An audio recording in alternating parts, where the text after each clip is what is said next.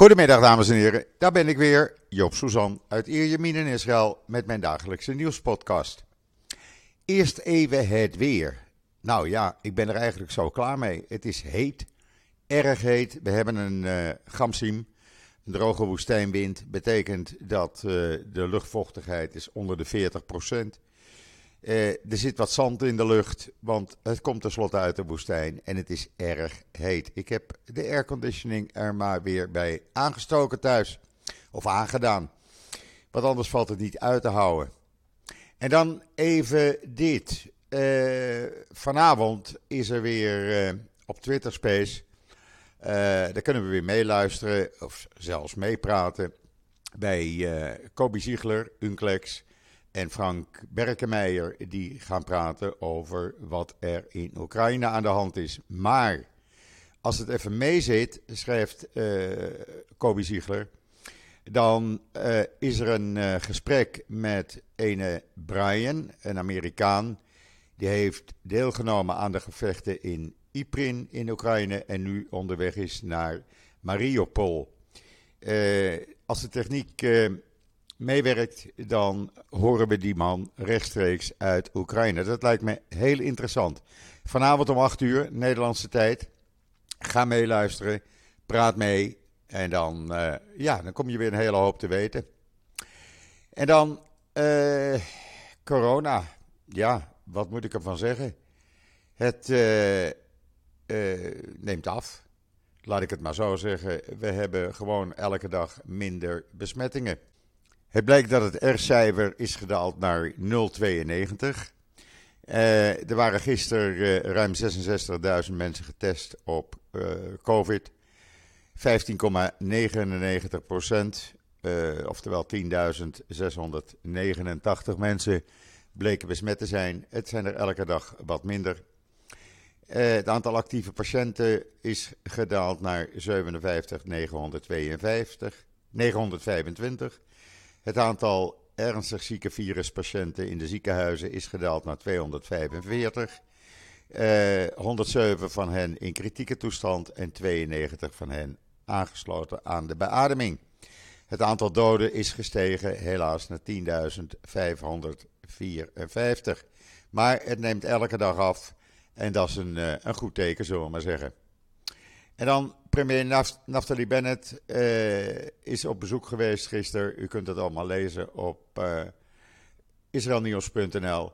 Die is gisteren op bezoek geweest bij de gewonde uh, soldaten van de terrorisme-eenheid. Die afgelopen zaterdag in, in Jenin die terroristen hebben opgepakt.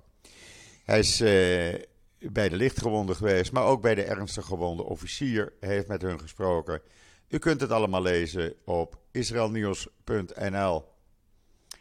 En dan eh, werd er een Joodse man gedood in Parijs. En hij droeg een, eh, een keppeltje. En hoe werd hij nou gedood? Nou, dat kunt u lezen op uh, israelnieuws.nl, plus de film, de video. Want uh, wat gebeurde er? Hij, hij uh, werd belaagd door een, uh, een stel moslims, uh, omdat hij een keppeltje droeg. En die hebben hem, ja, daar is hij voor weggerend. En tijdens dat wegrennen is hij onder de tram gekomen. Hij zag de tram niet aankomen en is dus daardoor overleden. En de familie wil nu dat daar een nader onderzoek naar komt natuurlijk. En dat kan ik me ook heel goed voorstellen. En dan uh, de IDF-legerchef, uh, die zei gisteren tijdens de inhuldiging van de nieuwe commandant van de luchtmacht. dat in de afgelopen twee weken er minstens tien terreuraanslagen door het leger zijn voorkomen. Dat zijn er heel veel. Uh, hij zegt: We zijn gefocust op het afslaan van elke mogelijke terreuraanval. En dat is op dit moment de belangrijkste missie van de IDF, zei uh, Kogavi, de opperbevelhebber van de IDF. U kunt het allemaal lezen trouwens en ook de foto's zien op israelnieuws.nl. Hij zei daarbij, Kogavi, dat alle mogelijke methoden zullen worden gebruikt en ook alle mogelijke manieren om op te treden om het terrorisme te stoppen. Hij noemde ook nog eventjes het conflict met Iran en zei dat de Israëlische luchtmacht een sleutelrol speelt bij het voorkomen van aanvallen op Israël, evenals het tegengaan van Irans verschansing in Syrië en het voorkomen van versterking van Hezbollah. U kunt het hele uh, interview met hem lezen op israelnieuws.nl. Even trouwens over Hezbollah. Uh, mensen die mij volgen op uh, Twitter, die hebben gisteren kunnen zien filmpjes en foto's dat ja, de staat Libanon is failliet verklaard. Hezbollah mag het dan voor het zeggen hebben, maar het vuilnis stapelt zich op meters hoog in met name Beirut. En vooral met deze hitte is dat natuurlijk een hele, hele slechte zaak. En dan een artikel in Israël Nieuws over waarom Israëli's zo blij zijn en hoe iedereen zich gelukkiger kan voelen. Uh, ja, het is een, uh, een heel wetenschappelijk rapport. Israël staat op de negende plaats in het wereld, Wereldgeluksrapport van de Verenigde Naties. Steeg van plaats 12 dus naar plaats 9. Eh, en ja, er zijn nu wetenschappelijke hulpmiddelen om geluk te meten en uit te leggen. nou, dat is een heel onderzoek geweest. En het blijkt gewoon dat Israëli's, ja, ze zijn niet zo somber. Ze zijn tevreden over de manier waarop ze leven, over de economie, over de gezondheid, over sociale steun, over vrijgevigheid. Ja, en hoe komt dat dan? Nou, uit het onderzoek blijkt dat het een mix is van Israëlische trots en optimisme. Uh, ja, je hebt hier mensen die gewoon niet zaggerijnig kijken, zoals in Nederland. Iedereen uh, is wel blij, er is veel contacten met familie, met vrienden, met kennissen. je hoeft geen maanden van tevoren een afspraak te maken. Nou ja, je kan het hele verhaal lezen op Israël Nieuws, daar staat het hele rapport in vermeld, in alle details. En dan kan je ook leren hoe je, zelfs in Nederland, je een beetje gelukkiger kan voelen. En dan uh, Bart Belder, onze vaste columnist, die heeft weer een column en nu deze keer over het antisemitisme in Engeland. Want dat is er wel degelijk. Zoals een prominente Britse journalist, Jake Walls Simons, uh, vertelde over zijn dochter van 14. Uh, eh, die gewoon antisemitisme, openlijk antisemitisme in de klas meemaakte. Uh, het laat hem ook niet los. Ook zijn zoon, met een kappeltje naar school gegaan, kreeg op het schoolplein te horen: Jij bent een Jood en wij haten Joden. Ja, het is tegenwoordig overal het antisemitisme. Gelukkig niet in Israël.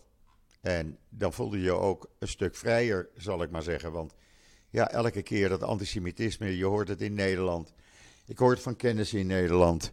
Je hoort het in, uh, ja, eigenlijk in alle landen van Europa. Of het nou Engeland, Duitsland, Frankrijk is. Het antisemitisme is niet weg. Het is springlevend en het wordt alleen maar erger. Zelfs met de oorlog in Oekraïne worden Joden uh, beschuldigd daar een hand in te hebben. En dan uh, heel bijzonder nieuws eigenlijk vanmorgen in Israël.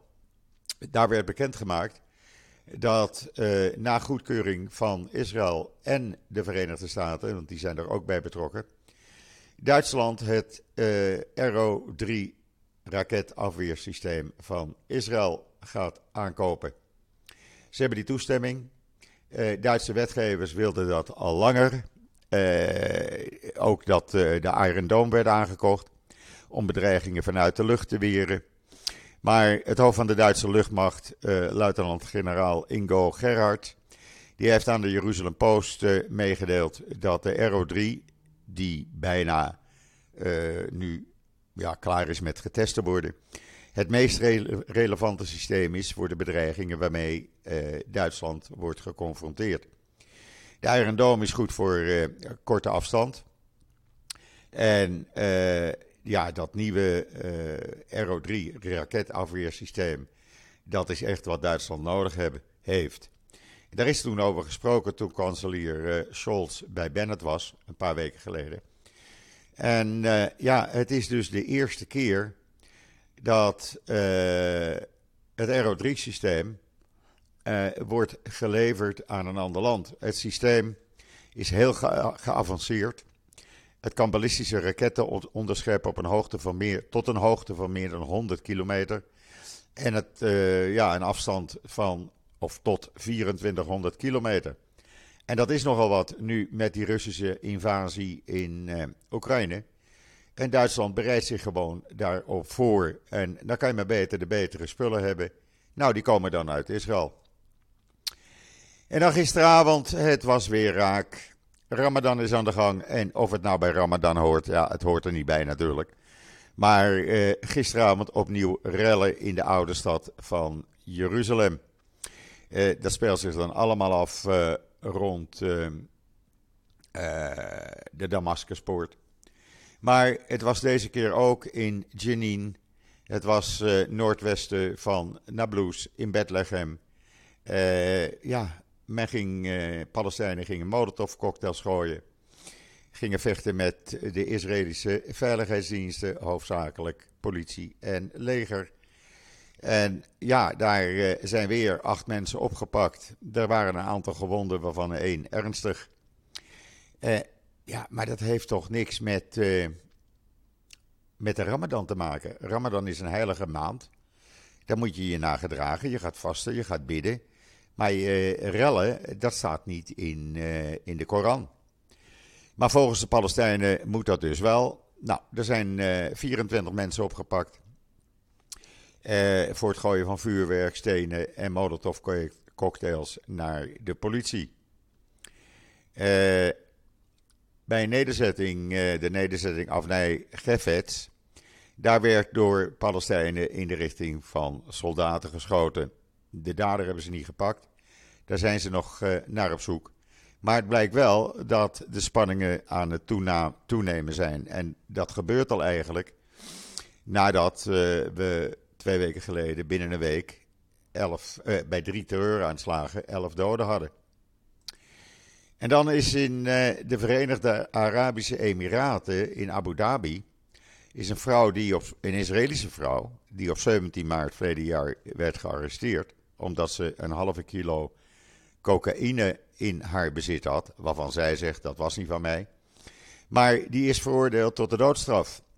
Nou gaat haar advocaat wel in beroep en het Israëlische eh, ministerie van Buitenlandse Zaken uh, is ook aan het spreken met Abu Dhabi. Maar uh, ja, ze heeft wel die straf gekregen.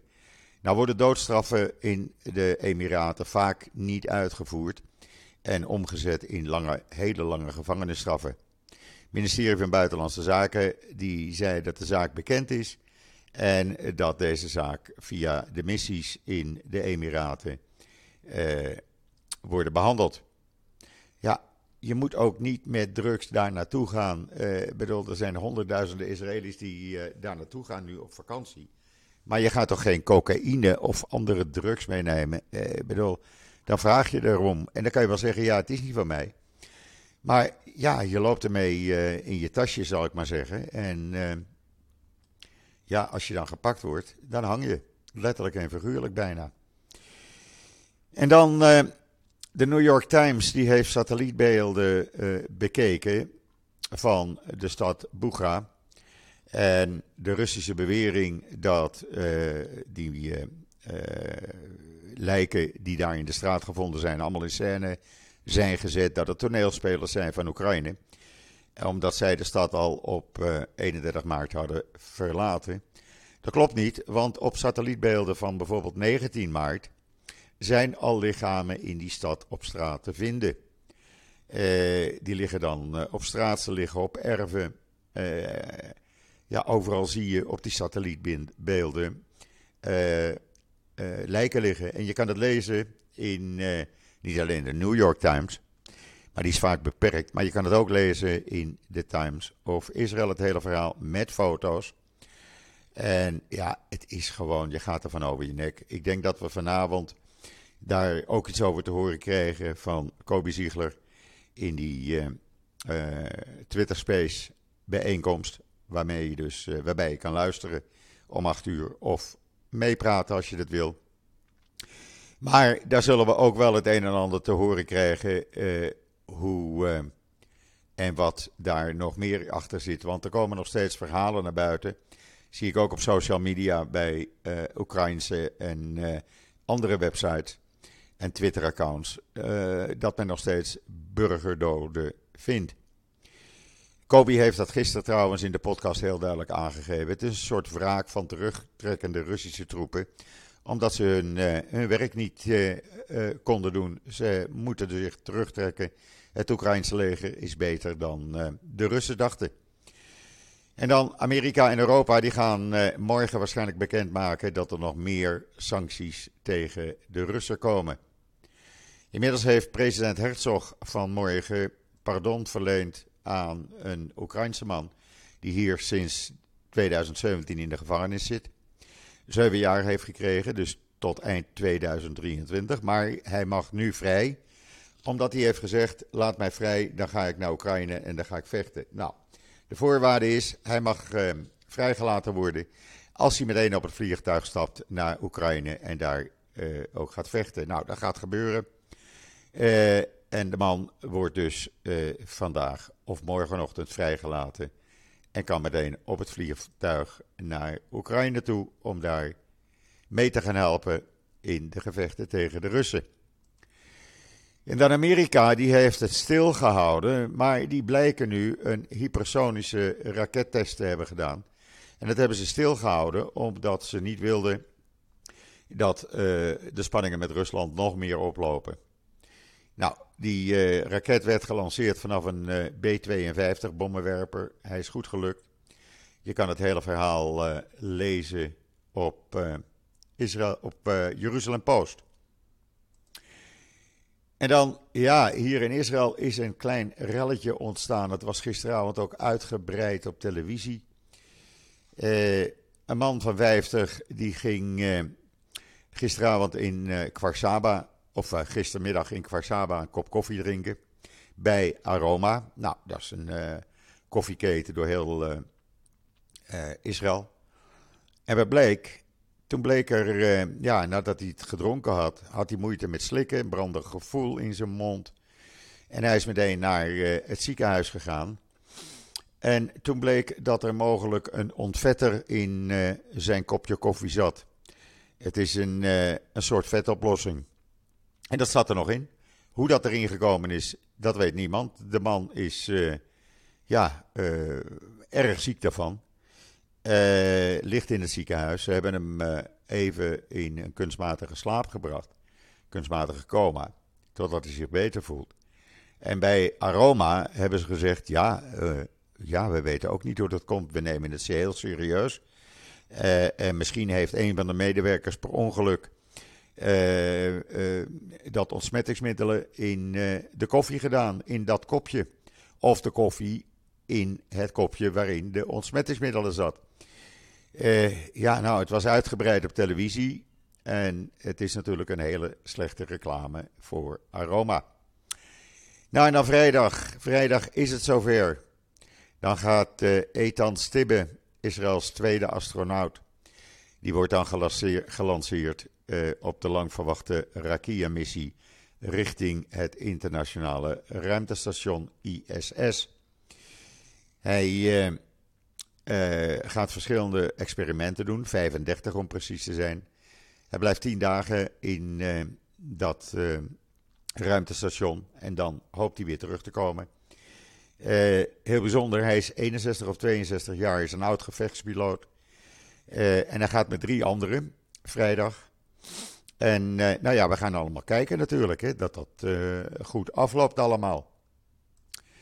En dan heeft de politie in de Negev gisteren en gisteravond honderden wapens ontdekt die verstopt waren in ondergrondse opslag. Een enorme wapenopslagplaats. De 45-jarige huiseigenaar is uh, gearresteerd, is opgepakt. er waren ook wapens bij, zo eentje die was 15 jaar geleden gestolen. ook een 45-jarige vrouw is aangehouden. ze hebben gewoon ja, wapens in de afgelopen 20 jaar gestolen en opgeslagen. En dat zijn M16's, het zijn machinegeweren, het is van alles en nog wat. En waarom die Bedouinen dat nou hebben gedaan, ja, niemand die het weet eigenlijk. Je kan het lezen met foto's op uh, de Engelse Ynet.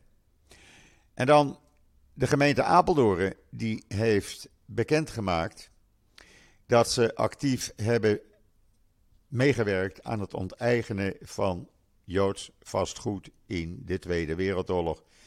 Het is nu naar buiten gekomen. Er is een rapport uh, verschenen. U kunt het lezen op mijn uh, Twitter-account. En uh, ja, in Apeldoorn, we weten het, was ook natuurlijk het Apeldoornse bos, waar 1300 patiënten en personeelsleden opgepakt werden en naar Auschwitz werden getransporteerd. daar zijn er maar heel weinig, heel, heel weinig van teruggekomen. En de mensen die terugkwamen, die konden niet meer terug naar hun woningen. Panden waren onteigend, de gemeente Apeldoorn uh, werkte daaraan mee, ze werden doorverkocht. Uh, en de gemeente Apeldoorn die kon dat allemaal niet, uh, niet schelen. Er is een rapport over uitgebracht door de Nijmeegse Radboud Universiteit. Het was een NSB-burgemeester, een meneer Dirk Pont, die van 42 tot 1945 de stad bestuurde en maar wat graag met de nazi's samenhuilde. Hij speelde informatie toe aan de nazi's over Joodse inwoners en over hun vastgoed. Nou, een heel zootje. In ieder geval, het is nu naar buiten gekomen en er zal binnenkort een bespreking zijn met de enkele leden van de Joodse gemeenschap die er nog over zijn, want zoveel helaas zijn dat er niet. En uh, ja, eens kijken wat daar uh, dan uitkomt. Er waren ook andere gemeenten, uh, Zutphen en Deventer. Uh, dat komt vandaag of morgen naar buiten, maar ook die hebben een totaal foute rol gespeeld. En zo zie je maar, uh, er komt steeds meer naar buiten over de foute rollen van gemeen, Nederlandse gemeentes in de Tweede Wereldoorlog. Dit gezegd hebbende brengt mij dat tot het einde van deze podcast. vergeet vanavond niet om 8 uur mee te luisteren en mee te praten op Twitter Space bij Kobi Ziegler en uh, Frank Bergmeijer. Unclex heet Kobi op uh, uh, Twitter. ja, ik heb de airco maar aanstaan. Het is heel wat anders dan een paar weken geleden de verwarming. Nu staat de airco aan, want het is echt inmiddels opgelopen naar 29 graden, de gevoelstemperatuur. Ja, het is niet anders. Je kan uh, niet zonder airco, ook al omdat je die ramen dicht houdt uh, en niks tegen elkaar overzet, openzet vanwege dat zand, dat vele zand, wat in de lucht is. Dat betreft komen die mondkapjes nu wel goed uit, want als er te veel zand is, kan je ze gewoon op straat nu ook dragen. Wens ik iedereen nog een hele fijne voortzetting van deze dinsdag, de 5e april toe. Ik ben er morgen weer en zeg zoals altijd: tot ziens. Tot morgen.